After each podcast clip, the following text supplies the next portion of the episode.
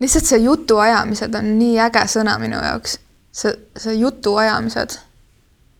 et äh, inimestel ei ole aega enam väga juttu ajada. Nad võivad kämada. Nad võivad? Nad võivad kämada. mis see on? see tähendab seda, et sa ei hakkagi nagu päris juttu rääkima, aga sa nagu mingi oh, howdy, howdy nagu, siis teine ütleb howdy, howdy, hoo ja siis nagu see ütleb noh, davai siis, siis ütleb noh, davai. see on kämamine, et seda ma tean, et on palju, aga nagu jutuajamised, jutuajamine, see tähendab seda, et on vaja aega võtta ja aega anda, siis, siis hakkab jutuajamine juhtuma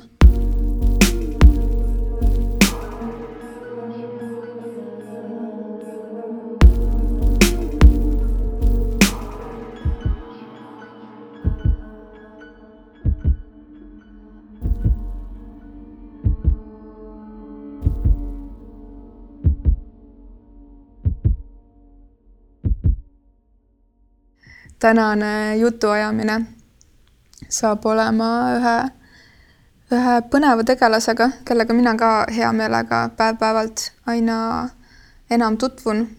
nii et Veiko Tubin, tere tulemast meie ühisesse saatesse. tere tulemast, rõõm on olla meie ühises saates külaline. ja, ja mul on väga rõõm sind kostitada siin oma, oma suurepärase seltskonnaga nii et äh, jaa tõmbasime, mis see sõna on, mingit, loosi tahad öelda või? et tõmbasime, tõmbasime loosi. ei, tegelikult ei tõmmanud, mina ütlesin, mina kirjutasin sulle, et äh, ma ei julge teine olla, et, et pärast sa räägid nii ilusasti, et, et siis, siis ma ei julge ise midagi rääkida. mina ei tea, tüdrukud räägivad alati palju ilusamini armastusest kui poisid. vot ja nii see saade käima läks ja tead, ma mõtlesin, et äh, et äh, kui paljudes äh, saadetes äh, noh, nii-öelda kui formaati vaadata, on, on alati mingisugune tava, kas saate lõpus, saate keskel, saate mm -hmm. alguses, siis ma niimoodi spontaanselt mõtlesin, teadmata, kas me hakkame seda kasutama edaspidi, mõtlesin ikkagi siis niimoodi letti laduda niisuguse tava ehk et esimese küsimuse mida ma saatekülalistelt alati siis alguses küsima hakkan. ja, ja see küsimus on selline, et mis on sinu esimene mälestus, mis on kuidagi seotud sõnaga armastus? tead, see on kohutavalt raske küsimus alati minu jaoks, kui küsimus sisaldab sõna esimene mälestus. sest et mul on tunne, et mul on kõik need mälestused kuidagi hästi sassis mingid inimesed räägivad, et oo, et see on mu lapsepõlve esimene mälestus, ma mäletan seda.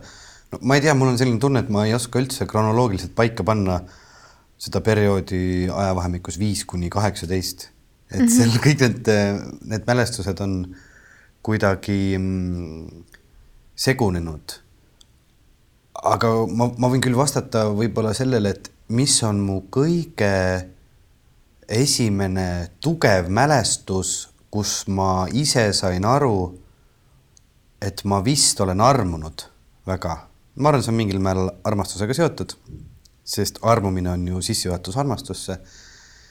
ma olin vist kümnendas klassis ja koolis oli meil mingisugune no mingi õpilasomavalitsus või mingi selline asi, noh, tead, mulle too hetk meeldis tegeleda kõik, olla väga aktiivne, ütleme niimoodi ja siis rääkisime seal kellegagi juttu ja õudne nalja tegemine käis ja mingi pläku, pläku, pläku ja siis mina istusin seal ees tooli peal.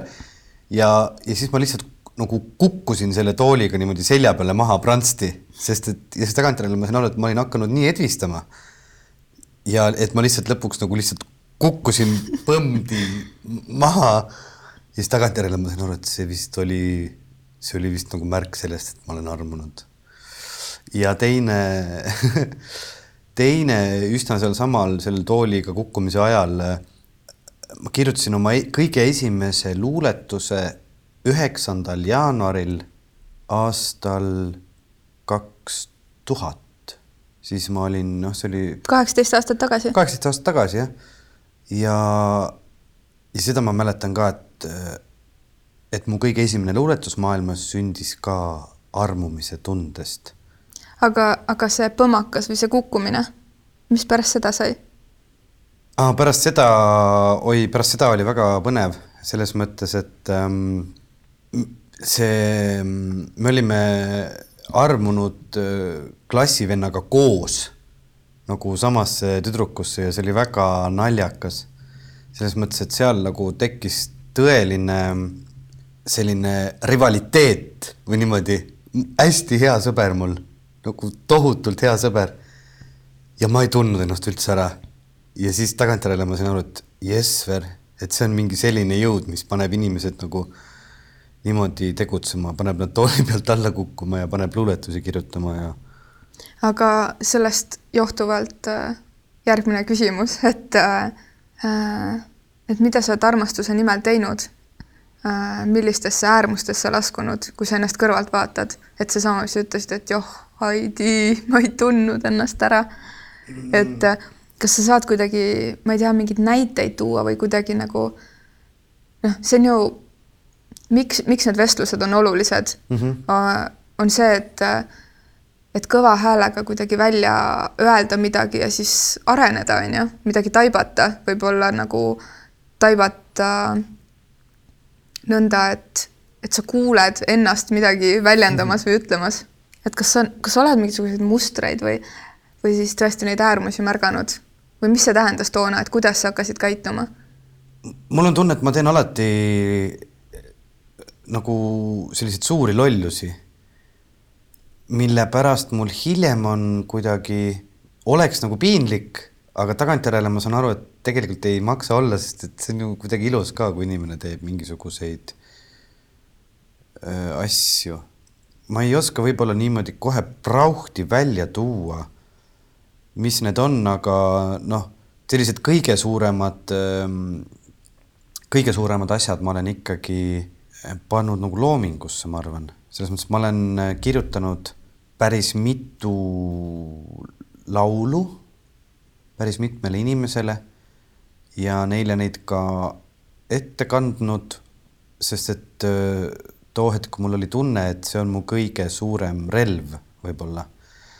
et see on kõige parem osa minust, et ma suudan siia sisse panna mingi sellise asja ja muusika on niivõrd emotsionaalne asi ja siis, kui inimene seda kuuleb, siis ta saab nagu kõigest aru oh, ütleme nii, et see ei pruugi alati nii minna, et sa ise, ise mingites situatsioonides oled niikuinii natukene päikeseprillidega ja ei saa päris täpselt aru, mis sinu ümber toimub ja nagu ma kuskilt lugesin ka, et eks see, eks see armumine või just nagu see alguse faas on ka seda, et sa hästi palju ju mm, toimub sinu enda kujutluses, et sa kuidagi äh, Mm, nagu elad äh, läbi siis äh, neid olukordi selle inimesega, kujutad ette, kuidas see võiks küll olla kõik tulevikus, mismoodi ja sa ei pruugi alati nagu reaalsust märgata, et mis siis seal, mis siis seal toimub seal reaalsuses äh, tegelikult. Mis on ka hea, sest mõtles, et kui me armumise faasis suudaksime nagu reaalsust märgata, siis ma arvan, et me loobuksime üsna üsna ruttu, aga ei, ma olen igast asju teinud. ma olen üllatanud inimesi, sõitnud kuskile bussiga niimoodi, et ma ei ole kellelegi midagi öelnud ja no mingid lood no, on... ei no, ei seda, saad aru, saad aru, mingid lood on nagu nii piinlikud, et, et, et, et neist ei saa rääkida. selles mõttes, et ähm, no tõesti ei saa. Isegi ma arvan Need on, no kujutlege lihtsalt ette mingeid hästi piinlikke lugusid. no kuule, siis... anna mingi vihje või nagu kasvõi nagu kõige piinlikumatest lugudest kõige vähem piinlik näide ma võin rääkida nagu mingi ühe kolmandiku loost okay., mis lõppes aastavahetusel sellega, et keegi lenni mind üles ja ma olin riidekapis. aga mis seal toimus ja mis oli, ma ei saa, ma ei saa rääkida, sest et, sest et ähm, meie saared kuulavad ka palju asju on äh, elus juhtunud, ma loodan, et juhtub veel. aga et ähm, aga üldjoontes see paneb jah tegutsema kuidagi mind ennast niimoodi, et äh, ma kas kirjutan hästi palju mingit teksti, mingit luuletust, mingisugust laulu, panen selle kuskile sisse, et see enda seest äh, välja saada. ja see on naljakas, et see emotsioon käib ähm, hiljem kaasas selle loominguga, et kui sa oled mingile inimesele laulu kirjutanud ja aastaid hiljem sedasama laulu Äh, kuskil laulad, siis äh, need on võib-olla aeg-ajalt minu jaoks isegi rasked. Äh, mitte selles mõttes rasked, et nad oleks ebameeldivad, vastupidi, nad on väga täis positiivseid mälestusi. aga kui kuskil rahva ees inimeste ees või mingisugusel väiksel kontserdil neid esitad, siis nagu nii eredalt tuleb see emotsioon meelde nagu kuidagi muutud nii tundeliseks, hakkavad nagu mingid kuskilt silmanurgast mingi pisar tulema ja siis mõtled, et nüüd päris, päris nagu nii ei saa ennast ka käest lasta, siin ma pean ikkagi selle loo suutma ette kanda, et et see on kummaline, et ma ei tea, noh, kõrvaltvaataja seda nii hästi võib-olla ei, ei taju, aga aga et ma ise olen suutnud salvestada mingisugused hetked lauludesse või luuletustesse ja et nad on seal alles ja et kui ma neid ka viie või seitsme aasta pärast kas loen või ette kannan, siis, siis, siis see nagu tuleb see hetk minu juurde üsna sarnaselt tagasi. kas sa räägid praegu sellest äh, armumise ilu loomisest või siis mingisugusest armuvalu loomisest, kumba rohkem on sinu puhul? Nad on vist olnud ka üsna võrdselt äh, või noh, selles mõttes, et pärast ilu tuleb alati valu, selles mõttes on nad võrdsed aga valu on tavaliselt alati pikem kui see ilu. ma ei tea, miks see nii on. et see vahel sealt välja tulemine võtab ikka no aasta. aastaid. aastaid ja vahel ei tulegi sealt välja mingite inimestega. et ähm, ma olen kirja pannud nii ilu kui valu ja noh, ütleme, kui me räägime siin ausalt äh, ju mitte ausalt, aga noh, selles mõttes noh, niimoodi, et oleks inimestel hea kuulata, et mis teised inimesed on teinud, siis, siis ma mäletan ühte kuud oma elust, no ma olin noorem ja see oli siis pärast ühe, ma ei tea, kas armumise või armastuse lõppu, kus oli terve oktoobrikuu äh, nägi välja niimoodi, et ähm, noh, nii palju, kui ma käisin vist siis juba tööl, tegin, tegin tööd, aga muidu kõik aeg, kui ma olin kodus, siis ma vaatasin äh, sellist äh, seriaali nagu Lost, äh, millel on vist sada kakskümmend osa ja jõin punast veini ja nutsin iga õhtu. vaatasin Losti, jõin punast veini ja nutsin. aga see kuu aega, see oligi minu selline ravikuur, mul on tunne, et, et siis noh, päris see kuu aega ei aidanud sellest kõigest välja tulla, aga ma, ma mõtlen tõesti, et mõtle, et on maailmas olemas selline emotsioon et selleks, et see kuidagi endast kustutada, ma nägin kuu aega reaalselt iga päev vaeva, vaadates ennast kuskile teise maailma sisse, tarbides siis alkoholi, et seda kuidagi endast niimoodi, kuigi, kuigi noh, tegelikult ma ütlen ausalt, võib-olla mulle ka meeldis see aeg. Ja, ja selles mõttes ka, et inimene on ju selline, et talle meeldib, vähemalt minule meeldib ka see, et kui on nagu valus et mulle meeldib lihtsalt, ma, et ma olen seal, et ma vaatan seda ja ma olen nii kurb ja siis ma joon selle klaasi veini ja siis pisarad hakkavad voolama ja keegi mind ei armasta ja siis paned selle kuskile midagi veel kirja. siis tagantjärele mõtled, ah kui mõnus oli, praegu on nii igav aeg, eks ole, et niisugune tavaline argipäev, et oleks vähemalt mingisugune, mingisugune valu või mingisugune selline asi, aga ma hindan väga neid, ähm, neid nii-öelda laine kõige madalamaid äh, auke siis, sest et tänu sellele me oskame seda järgmist tõusu väga väärtustada. kuulasin sind ja märkasin, et sa ka ütlesid, et sa ei teagi, et kas see oli armumine või armastus, on ju. mis sa arvad, kas armastusele peab alati eelnema armumine, et kas see on alati nii või, või mõni armastus lihtsalt on, et sellel ei ole algust ja lõppu? ma arvan, et, et ei pea olema armumine alati, et see võib olla või noh, ütleme, et äh, armumine on ju selline intensiivne periood, mis nagu kuidagi viib sind sellele äh, rongile, aga mõne asjaga on lihtsalt niimoodi, et äh, või, või on siis nagu see, et see armumine on olnud selline hästi pika perioodi jooksul, et sa ei saagi aru, et et see on sinuga juhtunud. noh, näiteks ütleme hästi labane näide, aga kui ma, kui ma räägin Eestist ja armastusest mm -hmm., noh, mina näiteks armastan Eestit ja aga ma ei, ma ei saaks öelda, et ma oleks mingi hetk nagu hullult armunud olnud temasse ja siis nüüd on tulnud see armastus, vaid see on kuidagi, kuidagi niimoodi nagu juhtunud. Ja samamoodi on tegelikult mingite inimestega, mingite sõpradega, mingite võib-olla pereliikmetega samamoodi, et, et tegelikult ei ole ju sellist suurt armumise hetke kuskil.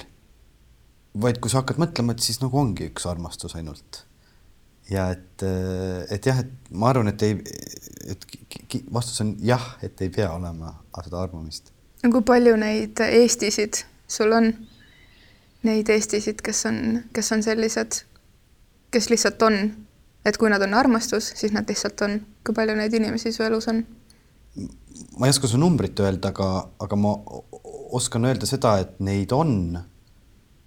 või selles mõttes, et õnneks on, sest mul on tunne, et ma ei tunne väga puudust sellest.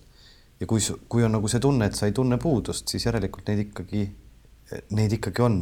ja no minu jaoks ähm, näiteks inimeste puhul on selline asi, et on olemas maailmas mingid inimesed, kellega sa pole veel kohtunudki, aga keda sa tegelikult oled kogu elu armastanud ja kui te saate kokku, siis te lihtsalt teate seda, et see oli ja siis lähete edasi.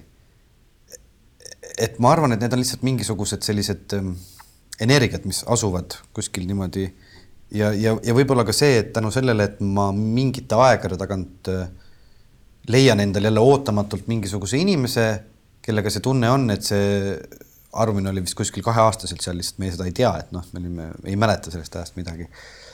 et siis, siis mul on endiselt tunne, et neid inimesi on ja neid liigub ja neid äh, võib tulla veel ja noh, mingid inimesed kaovad ära samamoodi. Et äh, igasugused äh, noh, teooriad ja asjad on selle kohta, öeldakse ka, et umbes, umbes iga seitsme kuni kümne aasta tagant inimene siis nii-öelda nagu vahetab oma sõbrad välja ja sellised asjad ja et ma olen ka vaadanud, et minu elus on tegelikult ju inimesed, kellega kunagi noh, mul on tunne et olnud, et et see on noh, best friend ever ja me läheme siit elu lõpuni välja ja ja noh, mitte midagi ei, ei suuda meid lahutada. ja siis läheb, siis kuue aasta pärast mõtled, oota, kus see nüüd kadus? me ei ole rääkinud nii pikalt. et kas me saime otsa teineteise jaoks? ja kas see oligi siis üks selline, see üks level, mis sai siis mõlema jaoks läbi ja nüüd me oleme uuel levelil, nüüd on erinevatel inimestel uued sõbrad, uued suhtlusringid. et neid leveleid on, on ikka mõned, mõned minu elus olnud.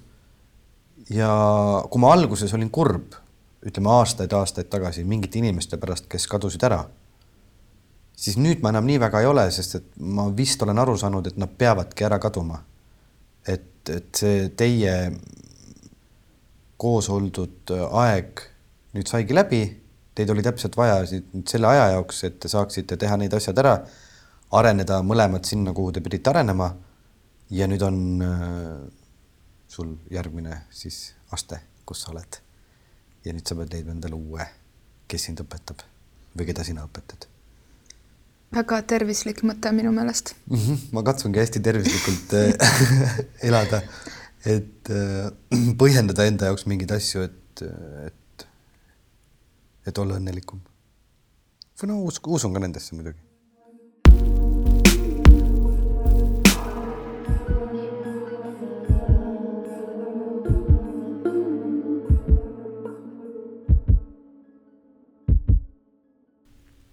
millistesse inimestesse sa armud, kas sa oled kuidagi ennast nii hästi tundma õppinud, et sa tead, milline inimene sina oled?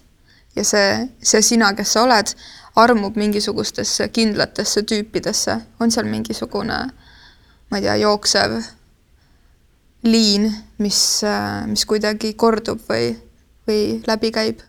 Ja nad on tavaliselt alati palju äh, põnevamad kui mina või noh, selles mõttes, et et, et see on nagu noh, ma tunnen hästi palju igavaid inimesi, vuti tunnen, no ma tean, no mu ümber on palju igavaid inimesi, aga siis äkki tuleb kuskilt mingi inimene, kes on nagu, sa oled nagu vau, kust tal see kõik tuleb, mis asi see on? ta teab mingeid niisuguseid asju, mida mina ei tea, ta loeb mingeid niisuguseid raamatuid, mida mina pole lugenud, ta kuulab mingit sellist muusikat ja ta on nagu nii palju intelligentsem kui mina et põhimõtteliselt ikkagi nagu palju ägedamatesse inimestesse, et see on see minu, minu muster. Või ütleme siis, see on väga inimlik ka, et ma tahan saada seda, mida, millest mul endal aimu ei ole. Või et mind äh, hakkab kuidagi paeluma see, see energia, mis nendel on, see mõttelaad, need äh, vaated elule. Ja üldiselt on nad ikkagi minust nagu, nagu erinevad inimesed või noh, selles mõttes, et, et et ähm, noh, ei ole nii, et, et iseloomud oleks kuidagi sarnased või, vaid pigem natuke nagu just midagi, mida mus endas ei ole, natuke sihuke noh, ma ei tahaks öelda sõna paheline aga noh, natuke midagi niisugust ohtlikku ja energiarikast ja. ma räägin siin juttu täna ohutu Veiko Tubinaga. Ohtlik ja ohutu. kas need äh, ohtlikud tüübid äh, armuvad tagasi ka või millised need armumise käigud on, et äh, saab ju armuda ühepoolselt ka ja nii tihti, kui soovid ja nii harva kui vajalik või nii tihti kui vajalik, on ju. et äh, mis see nagu armumise mõistes sinu jaoks tähendab? ühepoolne armumine, mitmepoolne armumine, kahepoolne armumine? Ma arvan, et minu häda on selles, et, et ma arvan, et ükski teine inimene maailmas ei suuda nii ägedalt armuda kui mina et selles mõttes kõik, kõik ülejäänud on natuke nagu siuksed, nagu mis viga on noh, nagu suuremalt, nagu rohkem, nagu sügavamale. et võiks ju olla võimalik või et, et mis värk sellega on. et ähm... tore, niisugune tore vastus, tore hetk, ma yeah., ma praegu salvestan seda oma kehamällu, nii, nii, lase edasi. et on nii, nii ongi, et siis, siis ma vahel mõtlen, et äh, pingutan liiga palju või et mis värk on, et peaks nagu korraga mingisse nelja inimesesse armuma või et siis nagu jaguks kõigile või? ai, ma ei tea, ma ei oska öelda, selles mõttes, et ikka on ähm, mingid keemiad alati ju töötavad. Et ma ei ole õnneks päris niimoodi olnud, et, et on nagu täiesti vastamata, mm, et hullud üksinda kuu poole, et see on äh, päris karm muidugi, aga ma arvan, et mingisugune mm, no mingisugune äratundmine ikka inimeses on, isegi see inimene, kes nagu arvab, et puudub täiesti igasugune vastuarmastus. no tegelikult seal midagi peab olema.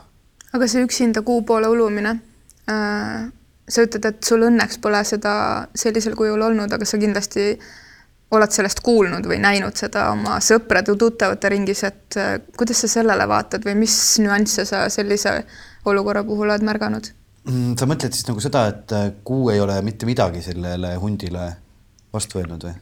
nojah, nüüd meil on niisugune metafoor on ju, uluv hunt ja kuu yeah., et äh, isegi kui nagu kuu äh, justkui lihtsalt on ja siis hunt äh, ulub ta poole, arvates, et äh, kuu on justkui lihtsalt kaugel ja mitte midagi ei tee, siis nagu kui mina seda vaatepilte kõrvalt vaatan, siis ma näen, et kuu valgustab seda hunti, on ju yeah..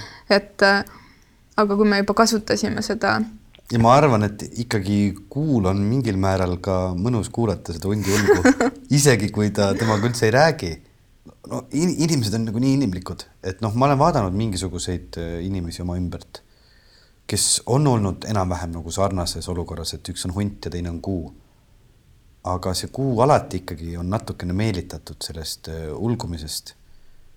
ja vahel, kui on selline täiskuu öö, siis ütleb hundile tere ka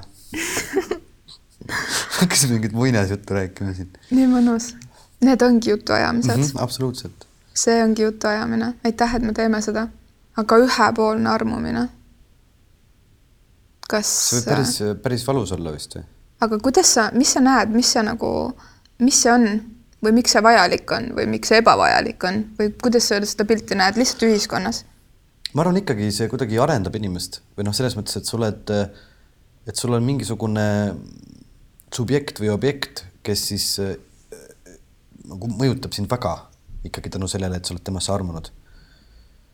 Sest et mina mäletan vist ka lavaka ajast seda, et, et ma olin ka mingisugustesse näitlejatesse, näitlejannadesse armunud, nagu nägin, ma üks eredamaid mälestusi on Mm, see Jaan Tätte näitemäng Sild, mis oli Linnateatris. Jaanus Rohumaa lavastas. Jaanus Rohumaa lavastas ja Liina Olmaru mängis seal peaosa. see oli täiesti. Selles mõttes, et ma isegi ei oska öelda, milles milles see kõik oli, kas see oli nagu see mäng, kuidas see tegi või see tema enda mingisugune olemus. aga siis ma tajusin küll, et, et nagu vau wow,, et, et siin on nagu üks, üks näitleja laval üks materjal ja ma ei teagi, et kas see on siis see tätte kirjutatud tekst või see on mingisugune lavastajapoolne asi, aga et see kuidagi mõjus mulle tõesti nii väga, et ma armusin sellesse hetke või sellesse tegelasse või, või sellesse olukorda ära. väljaspool teatrilava otseselt ei olnud nagu midagi. aga siis mõtlesin küll, et ja noh, kui ma seda niimoodi analüüsin, siis, siis see, see tegelikult nagu mõjutas väga mind, see, see tekst, see mingisugune muusika, mis seal lõpus oli, üldse see maailm, mis seal toimus ja ma arvan, et, et samamoodi on nende ka, kellel on see vastamata armastus, et ta ju midagi annab alati vastu või et sa õpid, siis sa jälgid seda inimest või seda, ma ei tea, kas, kas keegi saab olla ka armunud mitte inimesesse, nii et see on vastamata või? ma ei tea. see on juba nii meta. ma arvan, et täna on kõik võimalik. täna on kõik võimalik, ma just mõtlesin ka, et see läheb pikaks see mõte. ma juba jõudsin mõelda, et on mingi puu kuskil metsas ja siis keegi on temast sa- nagu armunud, siis ta läheb sinna ja räägib puuga, puu ei ütle talle midagi ja siis ta ei saa aru. puu ütleb ei, ei, ei. Ei, mina küll, ma olen puu, jäta mind rahule. aga e, ma arvan, et see on vajalik selleks, et noh, samamoodi tegelikult, mille pärast ähm, nooremad, võib-olla ka vanemad fännavad mingisuguseid äh, muusikuid, näitlejaid. Nad on ikkagi kuidagi nagu armunud nendesse ju minu meelest. ja ma arvan, et lihtsalt need on mingid iidolid, mingid eeskujud, kes neid siis nagu tänu sellele läbi mõjutavad. Jah, aga see on nagu kuidagi nagu see suurem teema, see on natuke Jah. seotud pigem minu jaoks nagu inspiratsiooniga Okei. või nagu kuidagi nagu, tead, mul on ka üks sihuke armumine praegu. Mm -hmm. kuule, see on nagu mina, mina küsin sinult, tahad korraks küsida, et kellesse või? sa ütlesid, et sul on ka praegu selline armumine mm, -hmm. kellesse? lihtsalt äh, selles, lähtuvalt sellest teemast, mis sa ütlesid, et kui rääkida mingisugusest kunstiteosest või millestki ja mul ei ole nagu aastaid niisugust asja olnud. ma eile armusin kui tore. Ja see on äh, Erki Pärnoja laul Leva. tead, see on ikka täitsa pöörane. ma ei ole nagu ammu nagu niisugust asja tundnud ühe muusikapala vastu. ma olen seda autos nüüd niimoodi nagu noh, suurelt, suurtest kõlaritest kuulanud. selles laulus on midagi sees nagu see, kuidas Anna seal alguses äh, häält teeb ja kõik see kulminatsioon ja mingisugune paus, mis kannab ja siis mingisugune tohutu sihuke nagu ma ei tea, mingi kirelõõm, mis, mis seal lõpus nagu on. et, äh, et see on minu see Liina Olmaru praegu on kahju, et äh, me ei saa autoriõiguste tõttu teile seda muusikat lasta, aga te võite panna vahepeal pausi peale ja siis kuulata selle loo ära. ja siis me saame siit koos edasi minna. mina ise ei ole ka kuulnud seda, mis selle loo nimi oli? Leeva, väga põnev mm. -hmm. peaks ka panema pausile ja kuulama seda lugu või pärast lasen sulle mm? -hmm. aga ühiskond ja armastus, et kui kaks sellist sõna on ühes lauses täna mm, -hmm. aastal kaks tuhat kaheksateist ja ma, tead, kuna see niigi on suur teema, et ma isegi ei tõmba seda kuidagi maailma peale, vaid ütlen Eesti on ju. mis, mis tundeid see tekitab sinus? Mm, minu jaoks tekitab see kuidagi hirmuäratavaid tundeid, sest et ma ei tunne ühtegi seda inimest isiklikult kahjuks, kes, kes mulle pähe hüppab, kui ma kuulan sõna ühiskond ja armastus, sest minu meelest Eesti ühiskonnas on väga palju sellist vastupidist nagu vihakõne, ütleme siis, või kuidagi üksteise mittesallimist või vihkamist. ja see tõesti kuidagi hirmutab mind, sest ma vaatan ümberringi nii uudiseid, ajakirjandust, kõike seda infovoogu, mis ümbertringi tuleb ja, ja seal nagu seda armastust on nii vähe, et äh, kõik, kõik on natukene selline depressiivne, natuke hirmutav, natuke masendav. ma päris täpselt ei saa aru ka, miks. no ma mõistan, et me ei, ei saa ka seda teha, et nagu meedia muutuks nagu üdini mingisuguseks telegrammiks või ma ei tea, et hakkaks ainult nagu paiskama välja siukseid positiivseid äh, sõnumeid ja rääkima, ma ei tea, harmooniast ja muudest asjadest, aga, aga mul on kuidagi raske, raske nagu näha seda, seda peataolekut ja viha mingite asjade vastu, et ma ei tea, et mis nendel inimestel siis, kas neil ongi lihtsalt nii suur armastuse puudus või et nad ei, nagu ei oskagi ise kuidagi armastada või siis kaitsevad iseennast millegi eest või ma ei tea. siin ka see armastus nagu võtab, armastus mõjub nii suure katusena erinevate teemade kohal, on ju mm. -hmm. et kui me räägime nagu noh, selle all võib noh, nii palju asju kuidagi näideteks tuua, mis kõik mahuvad kas armastuse või siis armastuse puudumise alla. et mis siis teha, mis siis nagu päriselt ka, ma saan aru, et see on nagu võib-olla naiivne küsimus, aga mis, mis siis kuidagi teha, et inimesed ma ei tea, armastaks rohkem armastaks, mida see tähendab üldse armastada rohkem, on ju mõni inimene, kes on tohutult vihane, võib-olla kuidagi kõige peale ütleb, et ta, et nagu see, miks ta vihane on, see tulebki sellest, et ta armastab nii palju, on ju. et, et mis on see miski, mis on kuidagi puudu, et, et seda südamlikkust, mis võiks justkui armastusega kaasas käia, mõistmist, hoolimist rohkem oleks ma arvan, et need on needsamad jutuajamised mis on puudu. et inimeste, mingite inimeste elus ei olegi neid, neid hetki või aegu, kus nad istuks sõpradega maas ja räägiksidki nendest samadest lihtsatest asjadest, sest ma kujutan ette, et Eestis on tohutult palju inimesi, kes võib-olla pole viimased kümme aastat üldse kellegagi rääkinud armastusest või hoolimisest või, või nendest teemadest ja või üldse mõelnud selle peale, et nad nagu ei oskagi võib-olla ennast sinna enam paigutada sellesse armastus, äkki, äkki, äkki on selles asi, ma ei tea, noh, ma mõtlen, vanasti oli ju, vanasti, no ütleme, räägime siin sada, kakssada aastat tagasi ikkagi ju inimesed elasid äh, rohkem kogukondades, rohkem perekondades.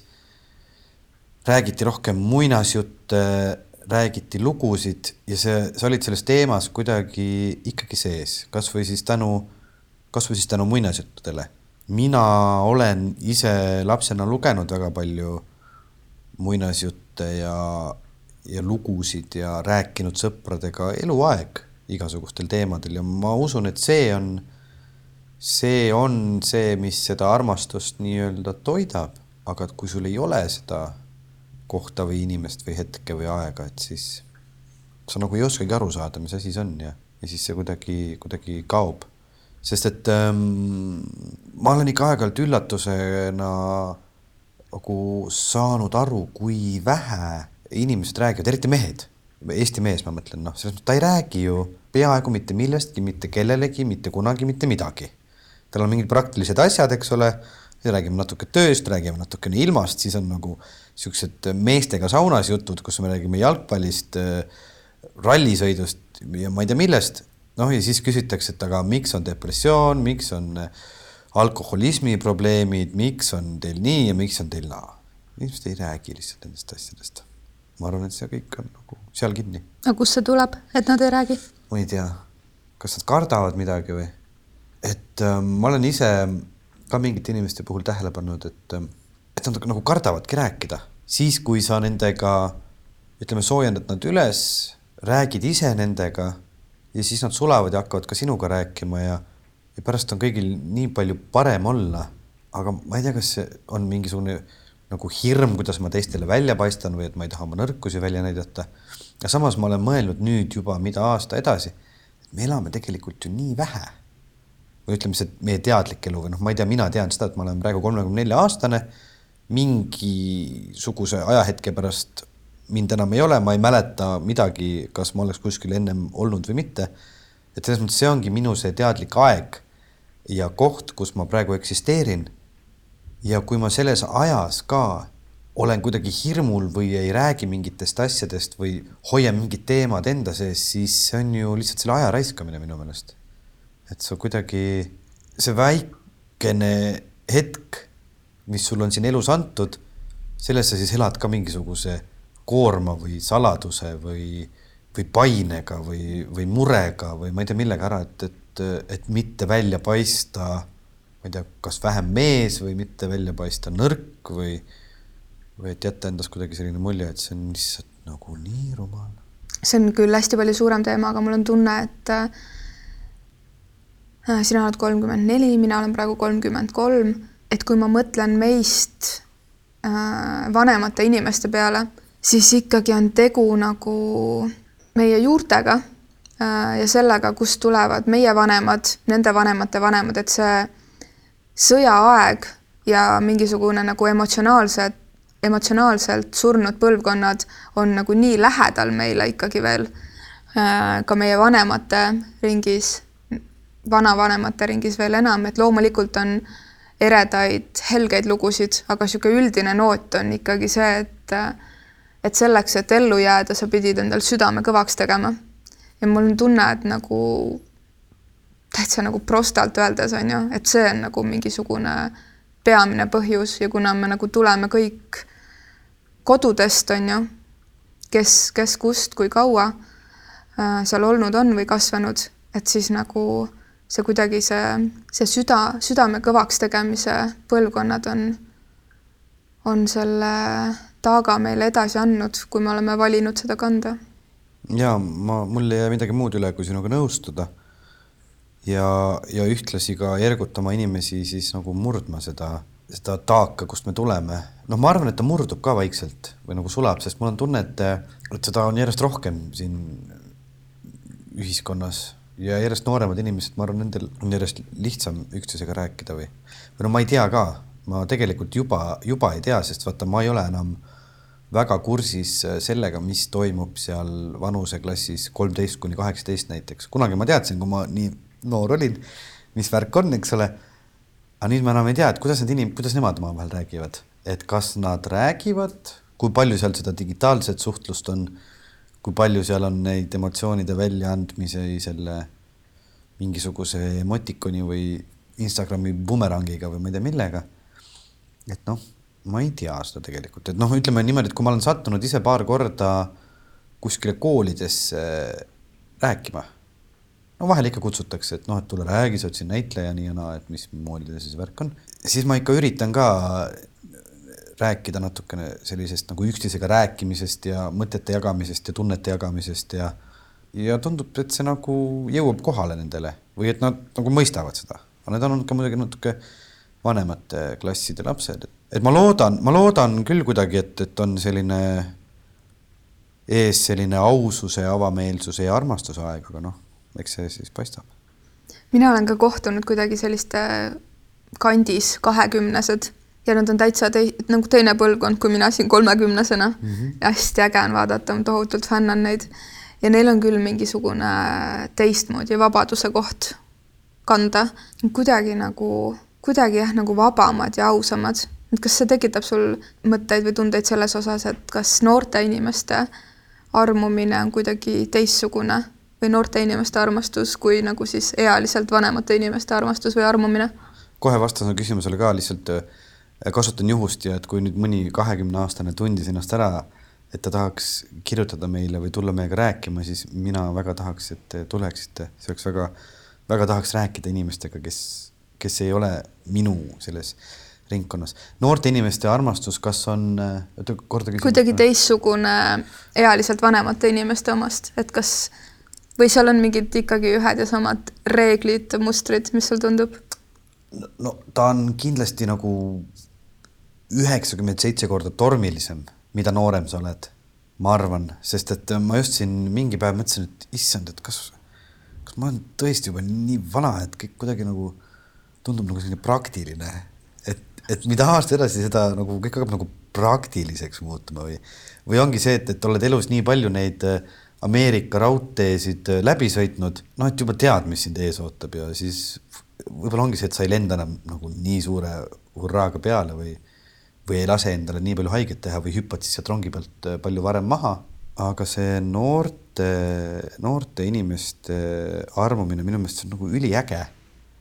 või noh, see on midagi, ma arvan, see on, see on täielik ookean, täielik torm, täielik mingi kontrollimatu selline mm, tornaado. mina arvan, et nad on väga sarnased. näiteks mingi viieteistkümne aastaste armumine või neljakümne viieste armumine? ja, ja kindlasti on, aga, aga kas sa ei arva, et on mingisugused asjad, mida sa nagu, et sa oled natukene rafineeritum või, või on ikka nii, et läheb täitsa hullus kätte ära? täitsa oleneb, mul on tunne, et nagu nad on mingis mõttes ühes ja samas kohas seetõttu, et, et nad, ma tõesti spekuleerin praegu on ju, et viieteistaastased veel ei julge võib-olla midagi väljendada või mis iganes ja samas nagu ei oska karta mm. -hmm on ju. ja need neljakümne viie, ma ei tea, viiekümne viie aastased on nii, et äh, nad võib-olla nüüd enam ei julge. on seesama ar-, arguse koht ja et seal on mingisugune sarnasus. jah, lihtsalt, et nagu see armumine või nagu seesama, see mingi energia, et ta nagu ikkagi väga nagu vanust, vanust ja sugu ei vali, on ju. Et ta ikkagi nagu lendab peale ja, ja sellega ma olen nõus, õigemini noh, ma ei oleks saanud nõus olla, selles mõttes, et ma, ma mõtlesin, et ma ei tea kedagi, kes teaks kedagi, kes oleks, ma ei tea, mingis vanemas eas armunud, aga aga hiljuti just üks kolleeg, kes on kõvasti üle viiekümne juba ütles, rääkisid, noh, see on ka nii tore, et inimesed räägivad. mulle õudselt meeldib see, et inimesed räägivad. ka teate, et ma olin siin vahepeal ikka nii armunud ja ma mõtlesin, et minuga seda enam kunagi ei juhtu, aga näed nagu täielik poisike noh. ja see andis kuidagi lootust, ma ütlesin, oh, sa oled nii vana ju, äge. et ikkagi on nagu võimalik ka seal noh, ütleme liginedes kuuekümnele minna veel täitsa lolliks ja see on ju ainult äh, positiivne kuvand tulevikust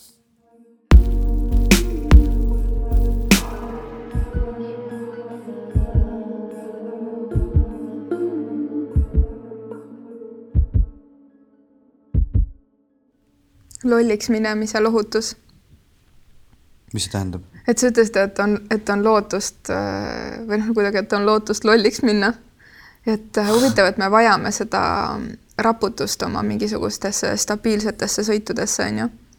et üks on nagu see armastus või armumine mingisuguses algusetapis, kui sul ei ole suhet, on ju, aga kui on nagu pikaajalised suhted et nagu ma arvan, et kõik see Eesti mehe või Eesti naise, kes on olnud keskmiselt pikka aega ühes suhtes ja kõik need äh, depressioonid või äh, õnnetunde puudumine, et need kõik on nagu mingisugused vajumised kuskile rutiini. kindlasti kutsume mingisuguse suhteeksperdi ka meile saatesse mingi hetk, et väga huvitav oleks kuulda, et mis on see vaatepilk äh, armastusele pikas perspektiivis või nagu aja kulgemise mõttes, et kuidas see muutub, on ju ja kuidas sellises pikas suhtes armumised uuesti esile kerkivad samasse inimesse. mis sa oled tundnud või mõelnud selles osas? no mina selle teema peal mõtlen üleüldse seda, et ma arvan, et see nüüd ei ole mingi ketserlik jutt, mida ma siin räägin, aga et minu jaoks selline kristlik arusaam sellisest nagu lõppematust kestvast pikast kooselust, et äh, ma saan sellest aru, aga mul on tunne, et see võib-olla nagu väga sügavalt siiski ei ole inimloomuses või ütleme nagu nii rangete reeglitega. et kui ma vaatan nüüd seda kogu seda maailma ajalugu, kust me tuleme ja mismoodi siin need äh, inimsuhted on olnud, siis äh, minu meelest on ikkagi nagu ülimalt äh, tervendav ja kosutav lasta inimesel elu jooksul nagu pidevalt armuda, vahet ei ole siis kas sinu enda partnerisse või kellessegi teisesse aga nagu sa ise ütlesid ka, et see armumine on mingi selline raputus või asi, mis hoiab meid kuidagi, kuidagi elus. et selline kuskile ühte kraavi lukustatud minek, et see võib olla päris, päris raske ja ma usun, et on inimesi, kes saavad sellega suurepäraselt hakkama. ja see ongi noh, nende jaoks loodud. aga väga paljud ju ei saa sellega hakkama. noh, ma ei tea, mis see protsent tänapäeval on aga kui mina käisin lavakunstikoolis, siis äh, meie kursusel poolte inimeste vanemad olid lahutanud. see protsent oli viiskümmend sel hetkel, selle väikse inimgrupi pealt, mis meil oli. ja noh, nii palju, kui ma vaatan ka mingisuguseid inimesi enda ümber, siin on ka nagu mingisugused suhted juba kuskile niimoodi läinud nii ja naa, aga mina nagu isegi tunnen ka, et mul, mul on tunne, et see on nagu mingisugune üks kindel arusaam, mis meil on sellest, et äh, et ideaalne mm, kooselu vorm ongi siis selline igavene abielu. ma ei, ma ei oska nagu sellega kuidagi ise samastuda, sest et noh, mul on tunne, et inimesel peaks laskma olla ja elada. et, et ma usun väga koos laste kasvatamisse näiteks, ma väga usun sellesse ja see nagu peabki olema ja see on noh vajalik ja see toim-, see toimus ju ka ütleme siis tuhandeid aastaid tagasi ju kogukondades selles mõttes, et äh, noh, vahet ei ole, nüüd meil on see kogukond nii-öelda väiksem, et meil on siin võib-olla isa, ema, vanaema või on mingisugune kärgpere, eks ole, kes seda toimetab. ma ei tea, mina annaks inimestele vabadust vähemasti armuda. kas sa oled endale selle vabaduse andnud? ma arvan, et olen, aga vaata, ma ei tea ma ei tea, kas ma olen selle vabaduse endale andnud, see on nagu teooria praegu, millest ma nagu, millest ma räägin, et ma arvan, et see võiks niimoodi toimida. või kui ma vaatan mingisuguseid inimesi oma ümber, siis ma arvan, et, et see võiks nii olla, no see on, see on veider, ma just vaatasin, noh, mul tekivad hästi palju mõtteid siis, kui ma vaatan mingeid seriaale. hiljuti vaatasin siis Netflixi pealt ajaloolist ähm, draamat Tuudoritest ehk siis äh, kuningas Henry, äh, ütleme nüüd kaheksas vist jah, Inglismaa aasta tuhat viissada kolmkümmend kuus. Ja ma jäin sama asja peale mõtlema, seal on siis see kuningas, seal on siis see kuninganna, nemad on pandud äh,, laulatatud siis äh, kokku. tollel ajal veel üldjuhul ka niimoodi, et nad võib-olla kohtusid oma pulmas esimest korda, et on sellised kokkulepitud abielud. Ja et siis äh, ja siis nad peavad nagu seda kooselu hoidma koos, tegema nägu, et nad on koos ja see on aastal tuhat viissada kolmkümmend, aga noh, nii kuningas kui ka kuninganna, eks neil ole omad rõõmud ja mingisugused muud arvamised sealt kõrvalt ja mingisugused muud asjad ja noh, too, too hetk mul oli kahju muidugi nendest kuningannadest, sest kuningal võis kõik olla, aga kuningannatel pea mitmel võeti pea maha, sellepärast ma mõtlesin, miks, noh, aga too hetk oligi naistesse nagu teist ka, kahjuks karmim suhtumine. mul oli õudselt kahju, mõtlesin, kuidas nüüd nii on, Henry võib, eks ole, siin seda teha, seda teha, kõik teavad. Ja siis on mingi hull arutelu, kui kuninganna ühe korra kellegi tegi ja siis võeti pea maha. õudne aga, aga ma ütlen, et see, see, see, noh, see on hästi pikk teema minu jaoks. see kooselu, abielu mm,, ainult elu lõpuni ühe inimesega koos olemine või siis noh, ma ei oska sellele küsimusele täna võib-olla veel head vastust anda, ma arvan, et ma kuskil seitsmekümne viieselt äkki võiksin sellel teemal rääkida, aga, aga mind väga huvitaks tõesti, et mida mõni suhteekspert sellest räägib. küsime kelleltki mm. -hmm. kas sul on äh ma mõtlen siia lõppu tuli veel niisugune tunne, et küsida, et kas sul on äh, olnud kunagi keegi eriline, kellele sa oleks tahtnud midagi öelda, aga pole öelnud ja näiteks nüüd sa saaksid talle öelda midagi. kas see on mingisugune asi, mida saaks teha praegu? kahjuks mitte, sest et ma kipun äh, kõik välja ütlema liiga vara minu häda, ma olen tagantjärele aru saanud, mu häda on see, et ma ütlen liiga ruttu vist inimestele. ma olen mingitele inimestele nagu öelnud umbes nagu peaaegu ei tunnegi, siis ütlen nagu babah, babah, babah, siis on nagu okei okay,, kes sa oled, ma ei tea, okei okay,, ma igaks juhuks ei suhtle selle inimesega. Aga siis sinu loomingust, mingisugusest luuletusest või laulust mingi hetk on sul peas midagi, mida jagada? mis sul aeg-ajalt kuidagi võib-olla kumiseb või mingisuguseid teisi inimesi vaadates, elu vaadates tuleb alati pähe? no vot, mina, mina kipun ähm, panema asju siis luuletustesse ja, ja see on, see mulle endale väga meeldib, selles mõttes, et see on, kujutle nüüd endale ette olukorda, et on äh, mingi inimene, kellesse sa oled meeletult armunud ja siis juhtub see öö, kui te olete esimest korda koos. praegu pean ette kujutama või? ei, sa võid terve selle luuletuse ajal seda ette okay, kujutada. ma alustan siis. jaa. ja see on siis nagu täpselt ühe sellise öö kirjeldus, noh, et, et kui inimesed mõtlevad, noh, ei tea, et kas see luuletaja, et kas ta nagu mõtles välja selle situatsiooni või midagi, siis ei, täpselt nii oli, panin lihtsalt kirja, ühtegi sõna ei muutnud aga ma ütlen, ma täiega kardan praegu isegi mõelda seda, sest mul on niisugune tunne, et nagu raadiokuulajad äh, äh, vaatavad mu mõtteid, kui ma mõtlen ja sina loed midagi. aga see on muidu mu luulekogus kirjas, te võite seda sealt ka lugeda, kes ei julge kuulata, pangu nüüd pausi peale või pangu üldse kinni ja lugegu seda ise minu luulekogust. Kes julgeb kuulata, siit tuleb luuletus pealkirjaga Esimest korda.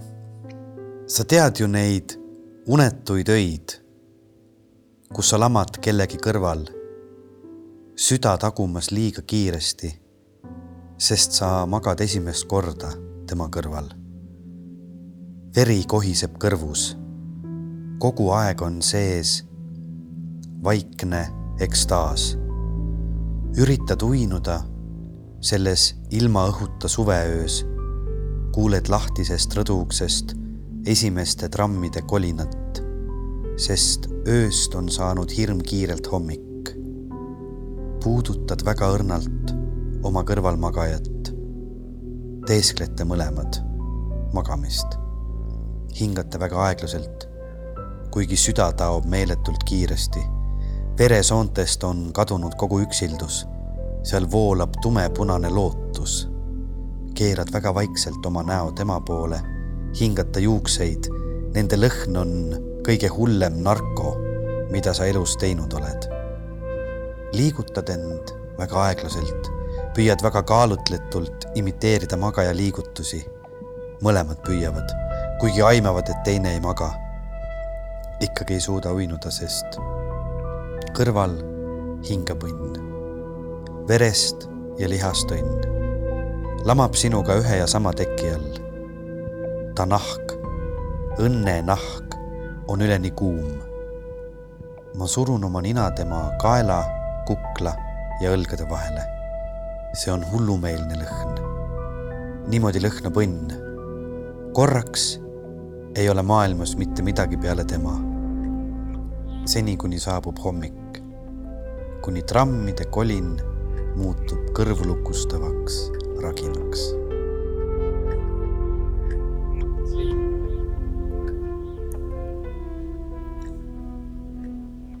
ja algab elu. ja algab elu. aitäh, Veiko, et äh, et sa lubasid mul küsida ja kuulata päriselt, päriselt ja järgmine kord vahetame siis pooled. jaa, hakka mina küsima ja kuulama. nii et äh, kohtume taas, aitäh kõigile, kes kuulasid ka ja mõnusat äh,, mõnusat kõike, mis sind selles saates kõnetas. Mait Juma, head aega. head aega